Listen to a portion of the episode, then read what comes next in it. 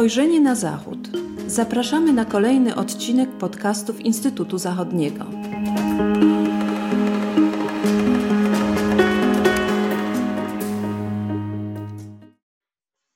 Dzień dobry, z tej strony Tomasz Morozowski. Witam Państwa w kolejnym odcinku podcastów Instytutu Zachodniego.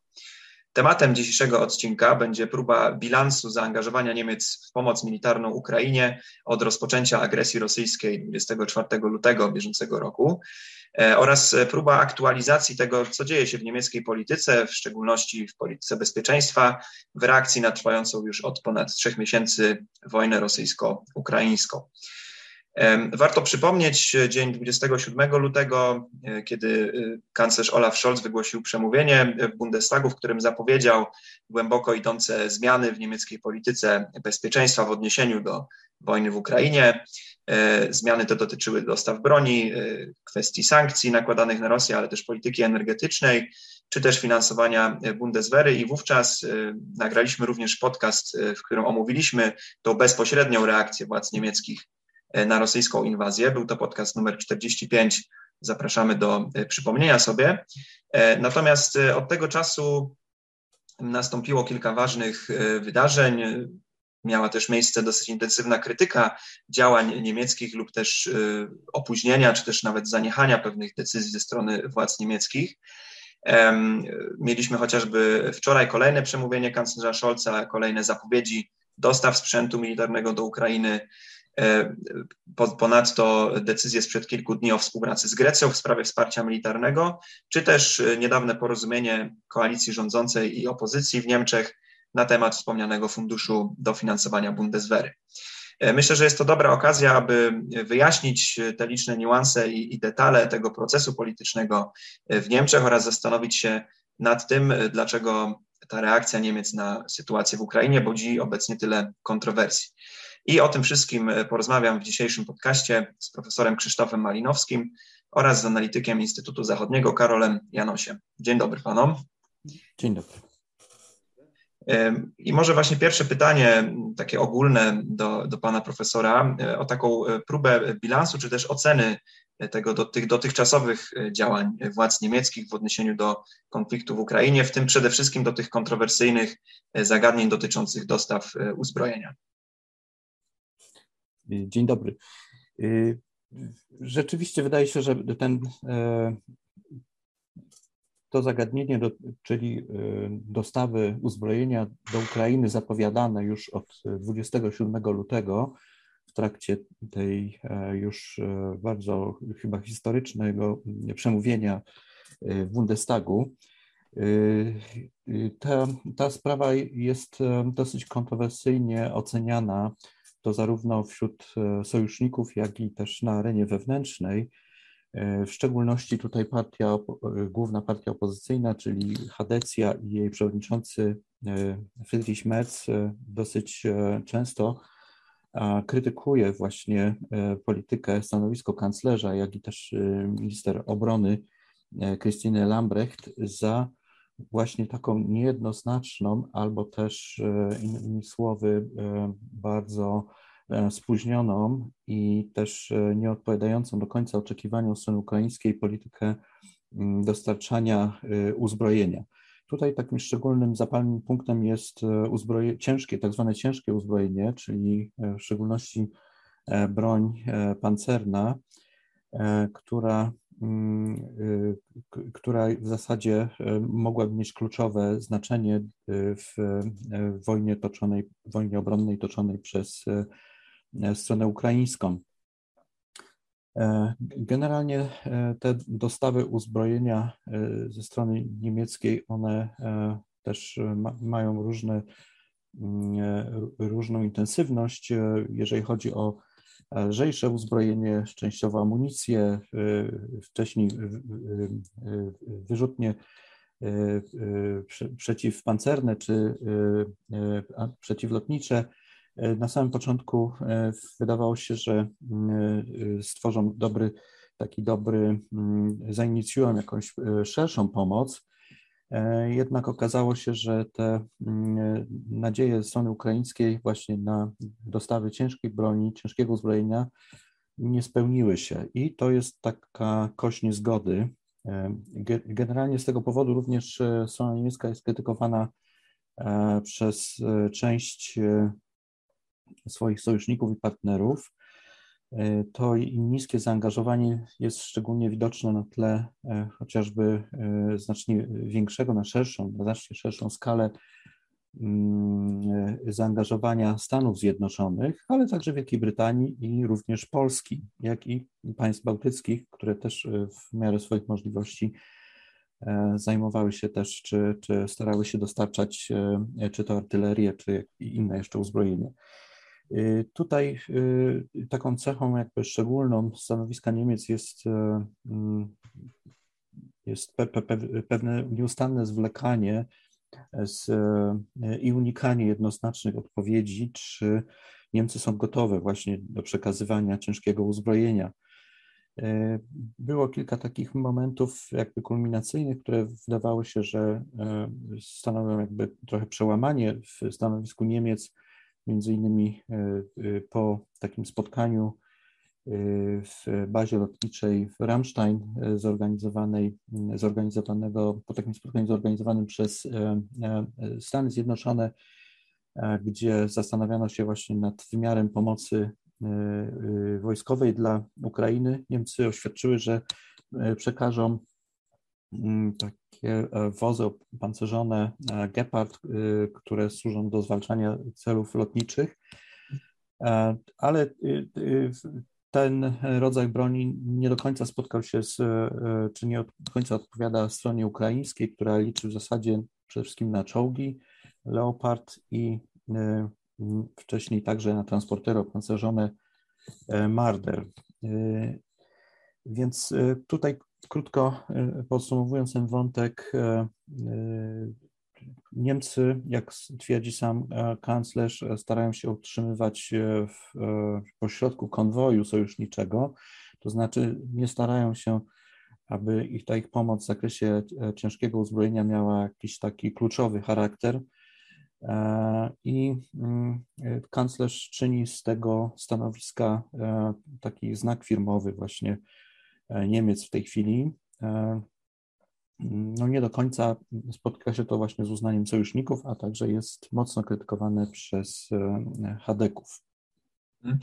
No właśnie, możemy odnieść takie wrażenie, czytając co, co kilka dni, co jakiś czas doniesienia o właśnie kolejnych decyzjach podjętych przez władze niemieckie w sprawie dostaw danego typu uzbrojenia które są ogłaszane chociażby przez kanclerza e, Scholza, e, co w kolejnych e, dniach napotyka na komplikacje, przeszkody. Okazuje się, że mamy do czynienia z opóźnieniami, czy też z pewnymi niejasnościami co do podziału obowiązków, na przykład pomiędzy Ministerstwo Obrony a przemysł zbrojeniowy w Niemczech. To są takie niuanse, na które też należy zwrócić uwagę. I tu, mm, Karolu, pytanie do Ciebie w związku z tym o to, jakie były właśnie te zapowiedzi ze strony władz niemieckich w odniesieniu do tych dostaw sprzętu, jak, jakie z nich zostały wypełnione, a jakie nie e, i dlaczego?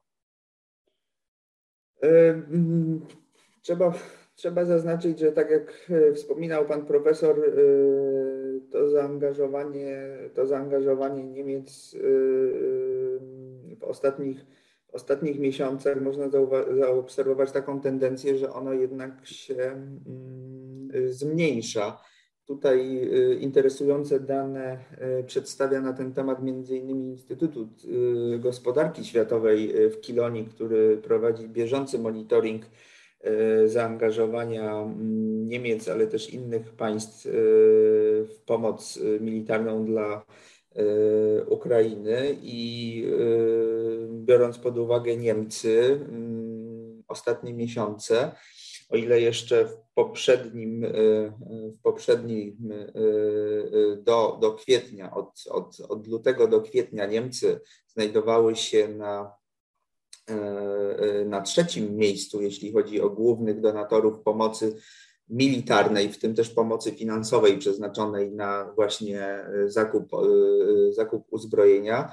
Niemcy zajmowały trzecią pozycję. Dane obejmujące y, już miesiąc maj, z nich wynika, że Niemcy spadły na pozycję, na pozycję piątą. Trzeba też zauważyć, że mm, te zapowiadane dostawy bardzo się opóźniają. Tutaj między 30 marca a 26 maja mieliśmy ze strony Niemiec tylko dwie, dwie dostawy, które e, obejmowały przede wszystkim e, e, lekkie uzbrojenie. Niemcy dostarczyły między innymi też miny przeciwpancerne, które akurat na tym etapie konfliktu stronie ukraińskiej, stronie ukraińskiej nie są konieczne. Tak jak wspominał pan profesor, no, głównym, głównym problemem jest, są dostawy tego mm, e, ciężkich systemów e, uzbrojenia. Tutaj warto też wspomnieć e, o tym, o zaangażowaniu Niemiec w tak zwany Ringtausch, czyli wymianę, pozyskiwanie wsparcia militarnego dla strony Ukrainy poprzez y, wymianę, wymianę tutaj y, dokonywaną z państwami y, Unii Europejskiej i państwami członkowskimi NATO. Wymiana ta polega na tym, że Niemcy w zamian za przekazywanie przez te państwa broni, głównie chodzi tutaj o uzbrojenie sowieckiej produkcji, które może być szybko dostarczone i szybko znaleźć się w użyciu przez e, ukraińskie siły zbrojne. No, mm, Niemcy do tej pory rozpoczęły między innymi rozmowy w tej sprawie ze Słowenią, z Polską. Rozmowy toczyły się też z Bułgarią. W ostatnim czasie też mieliśmy zawarte, zawarte porozumienie z Czechami, które dotyczyło między innymi wymiany, przekazania przez stronę czeską e, czołgów T-72. W zamian Niemcy miały przekazać stronie czeskiej 14, 14 czołgów Leopard i jeden e, wóz wsparcia technicznego. E, trzeba tutaj zaznaczyć, że ta, mm, ta, ten tak zwany ringtausch jakby też ta wymiana odbywa się bardzo, e, bardzo powoli. Tutaj te negocjacje e, między, między Niemcami i państwami partnerskimi są e, w wielu przypadkach bardzo trudne. Podsumowując to, można powiedzieć, że często mamy do czynienia z taką sytuacją, że partnerzy Niemiec oczekują od strony niemieckiej to, czego jakby strona niemiecka nie może w tej chwili y, przekazać. To rodzi oczywiście różne kontrowersje.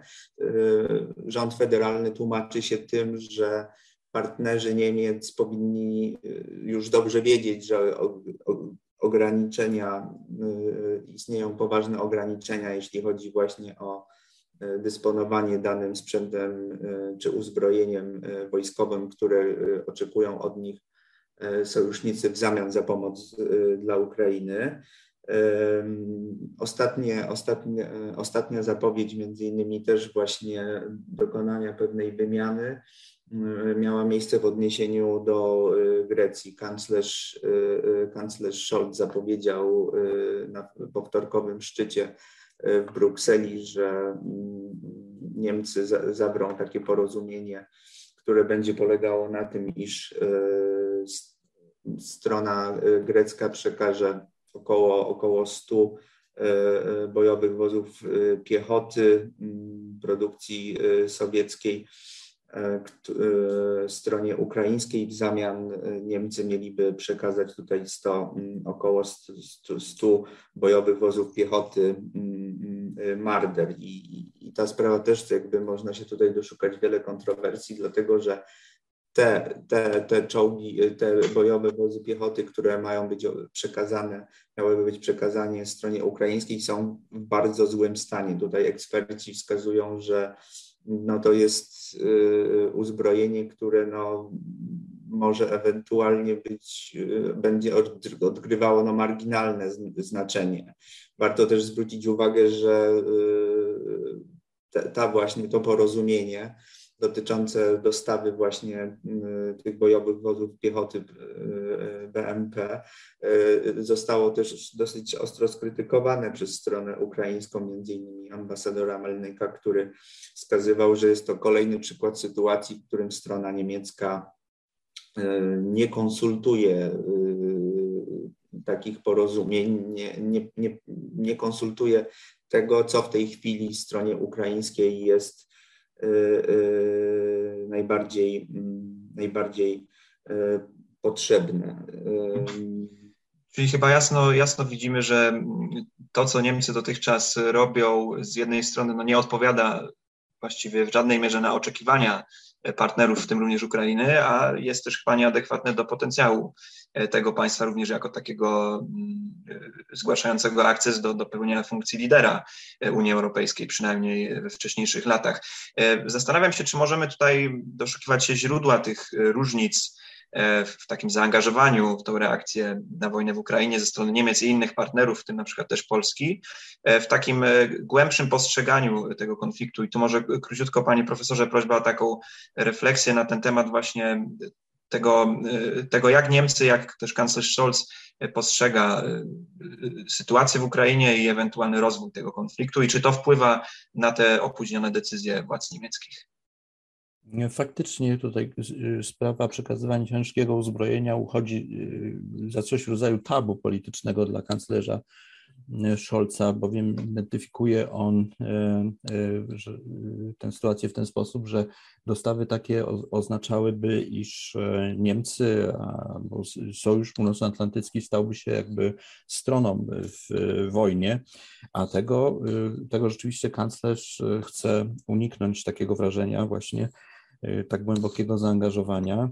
Zresztą sygnalizuje to mm, od pewnego czasu dosyć wyraźnie, y, zwracając uwagę, że y, nie, nie może dojść właśnie do, do wyniku tego, gdyby sojusznicy staliby się właśnie stroną tej wojnie, do wybuchu jakby trzeciej wojny światowej, do eskalacji w kierunku konfliktu nuklearnego.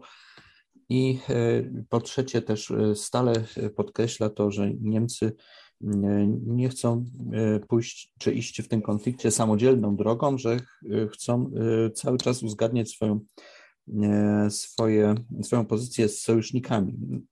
Czyli nie chcą się wychylać, nie chcą być takim solistą w tym, w tym konflikcie.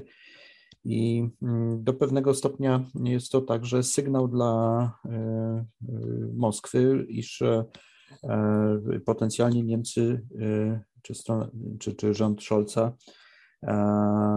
są gotowi ewentualnie w przyszłości do mm, odgrywania takiej y, bardziej aktywnej roli w przypadku, gdyby doszło do jakichś e, e, rozmów dotyczących przynajmniej rozejmu między e, Rosją a Ukrainą. I to, to ma być taki pewnie sygnał, że tutaj Niemcy rozumieją tą sytuację czy wojny na Ukrainie znacznie bardziej kompleksowo wspierają wprawdzie y, stronę ukraińską, uważając, że Rosja nie może wygrać tej wojny. Kanclerz Stal to podkreśla, ale też y, nie, nie, dopełnia tego zdania y, twierdzeniem, iż to Ukraina powinna wygrać tę wojnę. I to jest taka trochę kunklatorska postawa, ale prawdopodobnie kanclerz wyobraża sobie, że w ten sposób zapewnia sobie jakby więcej opcji na przyszłość e, przy ewentualnym rozwiązywaniu tego, tego konfliktu i przy ewentualnych rozmowach dotyczących zawieszenia, mm. zawieszenia e, broni. Tak, tu oczywiście dotykamy też już kwestii wewnątrz y, niemieckich polityki, wewnątrz niemieckiej, rozliczeń w ramach samej partii e, SPD, których no nie będziemy oczywiście dzisiaj e, pogłębiać. Skupimy się jeszcze na jednym e, aspekcie dotyczącym stricte polityki bezpieczeństwa, czyli na porozumieniu partii rządzących i opozycyjnej Hadecji w sprawie specjalnego funduszu na rzecz dofinansowania Bundeswehry 100 miliardów euro. To była jedna z zapowiedzi kanclerza Scholza w, w tym jego przemówieniu z lutego. E, natomiast partie e, zawarły porozumienie w tej sprawie 29 e, maja zgadzając się co do pewnych warunków i przeznaczenia środków z tego funduszu. Chciałem dopytać Karolu, czy wiemy już coś więcej, jak fundusz wygląda, na co konkretnie będą przeznaczone te pieniądze? Tak, e, w tym tygodniu, w tym tygodniu e, w sprawie funduszu możemy mówić o, o, o pewnym właśnie e, przyspieszeniu prac nad jego ustanowieniem. No, kluczowe było wspomniane przez Ciebie porozumienie zawarte późnym wieczorem w niedzielę. Może, może tylko krótko zaznaczę, o, o co toczył się tak naprawdę największy spór. Otóż polegał on na tym, mm, dotyczył on tego, na co konkretnie, na co, jakie ma być konkretne przeznaczenie tych, tych środków. E, zapowiedzi kanclerza e, ze słynnego przemówienia 27 e, lutego wynikało, że ono ma być przeznaczone te 100 miliardów właśnie na to, aby wzmocnić zdolności, zdolności Niemiec w zakresie obrony terytorialnej i sojuszniczej właśnie w reakcji na, na agresję Rosji na Ukrainę. W łonie, w łonie koalicji rządzącej narastały, narastały jakby kontrowersje właśnie wokół tego, e, na co, na, na co powinny być e, te środki konkretnie wydane. I tutaj Partia Zielonych przede wszystkim, oni e, optowali za tym, aby te środki nie były przeznaczone wyłącznie na, na, na, na Bundeswehrę, ale też między innymi na udzielanie pomocy wojskowej dla państw partnerskich Niemiec, czy też y, zwiększenie zdolności Niemiec w zakresie y, cyberobrony, które można zauważyć, że, że dla zielonych coraz większe znaczenie przywiązują do tego. Tu z kolei strona, strona chadecka od początku reprezentowała opinię, że środki powinny wyłącznie być przeznaczone na wzmocnienie zdolności Bundeswehry. Hadecy zarzucali właśnie koalicji rządzącej, że ona, że sama koalicja nie ma wypracowanego porozumienia w tej sprawie. Y, I też trzeba zaznaczyć, że Hadecy od początku jakby wyrażali poparcie dla, dla ustanowienia funduszu, jednak wyraźnie podkreślali, że Zostanie ono udzielone tylko i wyłącznie wtedy, jeśli chadecy będą mieli możliwość współdecydowania o tym, jak fundusz będzie wyglądał i na co te środki będą y, wydawane. Finalnie porozumienie, y, wypracowane porozumienie zakłada, że środki, tak jak oczekiwali tego chadecy, będzie przeznaczone na Y, tylko na wzmocnienie zdolności y, y, Bundeswehry, przede wszystkim w zakresie obrony terytorialnej i sojuszniczej. W tym tygodniu też ujawniona została już lista projektów zbrojeniowych, które mają zostać zrealizowane z tej kwoty 100 miliardów euro. Tutaj największym największa suma, największym beneficjentem będą, y, y, będą siły powietrzne. Też trzeba zaznaczyć, że właśnie y, siły powietrzne były, borykały się z wieloma, z wieloma tutaj deficytami, jeśli chodzi o główne, główne systemy uzbrojenia, takie jak właśnie samoloty czy transportery, helikoptery transportowe. Mm, choć oczywiście deficyty dotyczą całych sił zbrojnych, ale właśnie jeśli chodzi o siły powietrzne, tutaj, tutaj były rzeczywiście duże, duże zaległości. Także największym beneficjentem e, będą siły powietrzne. Na nie ma być przeznaczonych na zakupy, na projekty zbrojeniowe w tym obszarze ma być przeznaczonych ponad 40 miliardów euro. Znacznie mniejsza kwota zostanie przeznaczona, mm, trafi, trafi do marynarki wojennej, to będzie około 20 miliardów euro i około 16 miliardów euro Y, będzie przeznaczonych na zakupy y, uzbrojenia dla wojsk lądowych. Tutaj też tylko taka y, mała uwaga, że mm, jeśli mówimy o wzmocnieniu właśnie sił powietrznych, to trzeba też zaznaczyć, że formalnie te część uzbrojenia, jak na przykład transportery, helikoptery mm, śmigłowce transportowe, one są przypisane y, do sił, y, do sił powietrznych, ale korzysta z nich przede wszystkim wojska y, lądowe. I tutaj znalazła się między innymi, pojawiła się zapowiedź zakupu przez Niemcy 60 śmigłowców transportowych Chinoków produkcji mm, amerykańskiej. Poza tym, jeśli chodzi o główne pozycje, które znajdują się na liście projektów, które będą sfinansowane z tych słynnych 100 miliardów, około 2 miliardy zostanie przeznaczone na mm, zakup wyposażenia indywidualnego dla żołnierzy. To jest poważny problem, z którym Bundeswehra zmaga się no już od, od kilkunastu lat. Było po drodze wiele zapowiedzi i tutaj jakby w ostatnich dniach minister Krystyna Lambrecht wyraźnie zapowiedziała, że, że, że akurat ta, ta, ten deficyt będzie tutaj wyeliminowany. E, poza tym e, pół miliarda euro zostanie przeznaczone na, e, na badania dotyczące między innymi rozwoju sztucznej inteligencji i innych technologii, innymi chodzi tutaj o nawigację, wywiad, rozpoznanie. Także ta kwota pół miliarda zostanie przeznaczona na, na na y, cele, na cele badawcze dotyczące właśnie rozwoju nowych systemów y, uzbrojenia. Y, oceniając całą listę, jakby trzeba też zwrócić uwagę, że właśnie chodzi tutaj przede wszystkim o to, aby mm, wyeliminować największe, największe deficyty, z którymi teraz zmagają, zmagają się niemieckie E, siły zbrojne. Warto też zaznaczyć, że biorąc pod uwagę mm, ogólnie fundusz, to 100 miliardów euro nie jest to kwota, która zapewni taki pełny, pełny, mm, konieczny rozwój niemieckich sił zbrojnych w następnych latach. Jest to jakby kwota, która pozwala na wyeliminowanie części największych deficytów, z którymi zmaga się y, Bundeswehra. Natomiast y, trzeba zaznaczyć, że to, aby mm, niemiecka, niemiecka armia osiągnęła taką pełną zdolność, która byłaby oczekiwana y, ze strony sojuszników w NATO,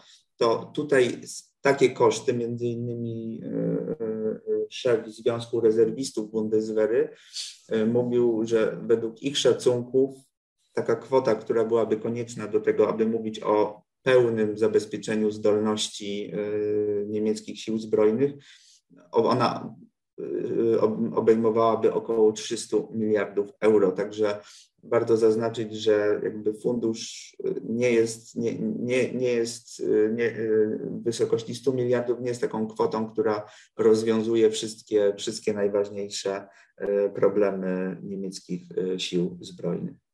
No właśnie, i to ma też związek z tym, że kwota ta e, ma pozwolić na średnie osiąganie przez Niemcy tego poziomu 2% PKB wydatków na obronność, co nie gwarantuje, jak rozumiem, tego, że będzie tak e, co roku, a na pewno jest to raczej taka perspektywa krótkoterminowa. Zdaje się, że to wystarczy do, e, na najbliższe 4 czy 5 lat. Jeżeli możesz, Karol, jeszcze to skomentować. Y, tak, dokładnie. Szacunki, szacunki, y, biorąc pod uwagę y, dzisiaj, dzisiejsze szacunki, to rzeczywiście wygląda to tak, że ta kwota, fundusz pozwoli na to, aby rzeczywiście w przeciągu następnych, następnych pięciu, pięciu, czterech, pięciu lat rzeczywiście Niemcy przy pomocy funduszu mogą osiągnąć ten poziom 2% PKB y, wydatków przeznaczonych y, na obronę. Natomiast no, jest pytanie, y, jak będzie ta kwestia wyglądać w przyszłości. Tutaj jakby już toczą się w gronie koalicji rządowej rozmowy. Tutaj między innymi liberałowie z FDP, przedstawiciele wyrażają opinię, że, że konieczne jest to, aby też jakby po tym okresie już myśleć o tym, jak, jak zabezpieczyć finansowanie niemieckich sił zbrojnych yy, na takim yy, poziomie. No, pewne jest też to, że jakby yy, nie należy oczekiwać, że będziemy mieli w przyszłości do czynienia z kolejnym takim pakietem. Tutaj też wspomniani liberałowie, w tym między innymi sam minister finansów i lider FDP, Christian Lindner, wyraźnie podkreśla, że jakby fundusz ma charakter, ma charakter wyjątkowy. I, I to właśnie samo umiejscowienie go też w ustawie zasadniczej ma właśnie podkreślać ten jakby wyjątkowy, wyjątkowy i wyjątkowy i, i, i jednorazowy charakter tego, tego wsparcia. Także tak jak wspomniałeś, tu jakby też biorąc pod uwagę specyfikę, specyfikę realizacji projektów zbrojeniowych, można się odwołać do wcześniejszych, no niestety niezbyt dobrych doświadczeń Niemiec w zakresie realizacji zamówień, zamówień i kontraktów na zakup uzbrojenia dla niemieckich sił zbrojnych, że były tutaj wielokrotnie duże problemy i opóźnienia. Także nawet w związku z tym właśnie tymi problemami, no nie można zakładać, że te wszystkie kontrakty, które teraz zostaną zawarte, będą zrealizowane terminowo, także tutaj koalicjanci uzgodnili, że, że ten cel dwóch, przeznaczania 2% PKB, on nie będzie, nie będzie to, że będzie osiągane to w ciągu, w ciągu, ostatni, w ciągu nadchodzących lat przeciętnie, co nie oznacza, że właśnie każdego roku.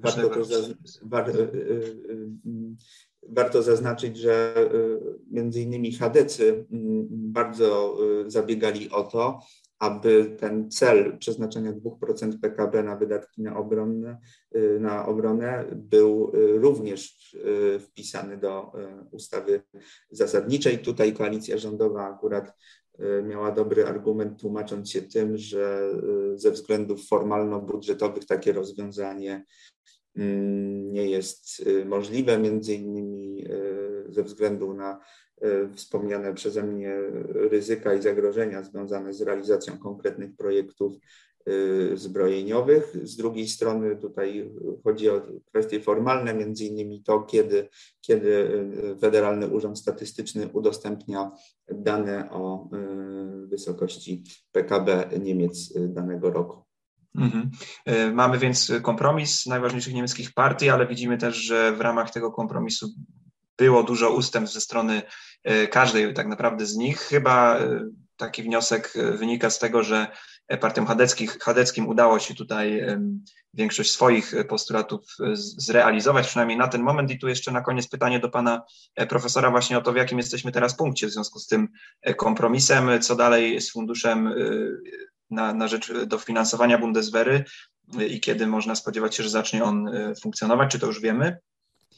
No właśnie, to jest trochę owiane niejasnością. W ten piątek, czyli w dniu 3 czerwca w Bundestagu ma być przegłosowana ustawa właśnie zatytułowana Sondervermögen Bundeswehr, czyli Fundusz Specjalny Bundeswehra, po czym do przerwy e, wakacyjnej, czyli do początku lipca, ma nastąpić ten kulminacyjny punkt procesu legislacyjnego, czyli zmiana ustawy zasadniczej, e, bowiem e, y, przegłosowanie właśnie ustawy dotyczącej powołania wspomnianego funduszu Y, y, wymaga, czyli odejście od reguł polityki budżetowej wymaga także mm, wprowadzenia tego, tego rozwiązania do ustawy zasadniczej, zgodnie z zapowiedzią zresztą kanclerza Scholza z 27 lutego. I tutaj właśnie okazuje się, jak bardzo niezbędna była współpraca z opozycją, bowiem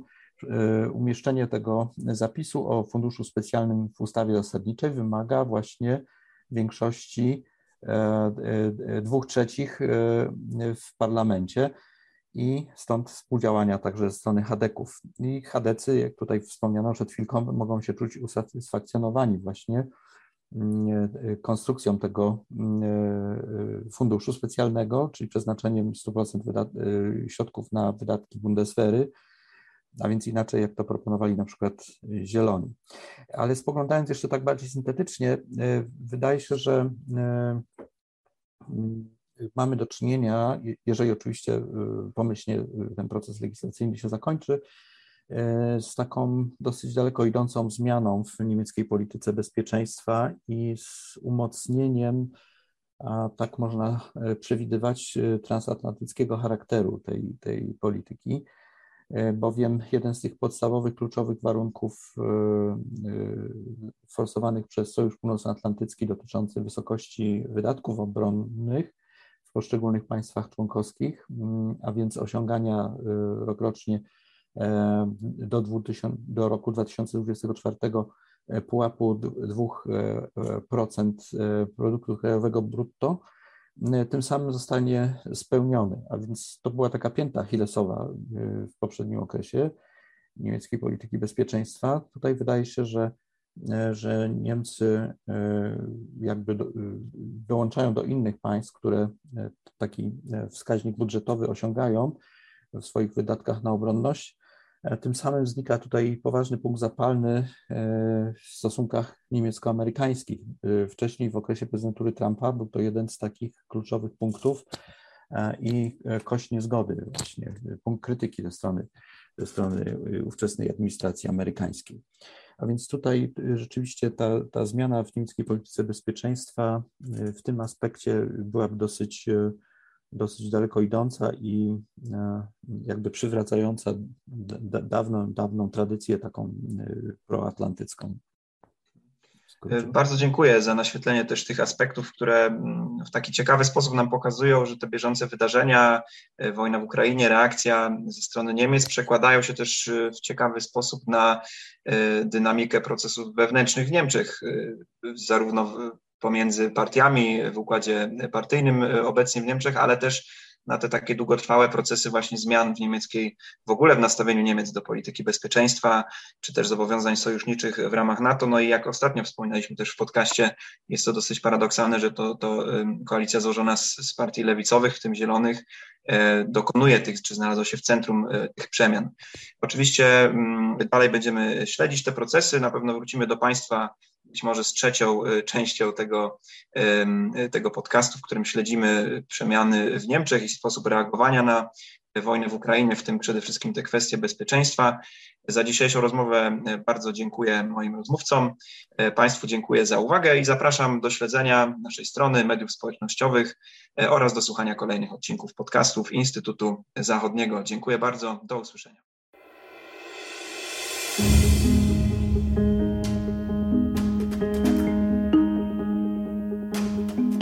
Spojrzenie na Zachód. Podcasty Instytutu Zachodniego.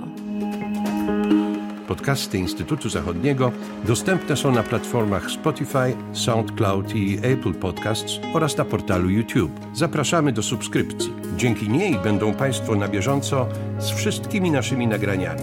Do usłyszenia.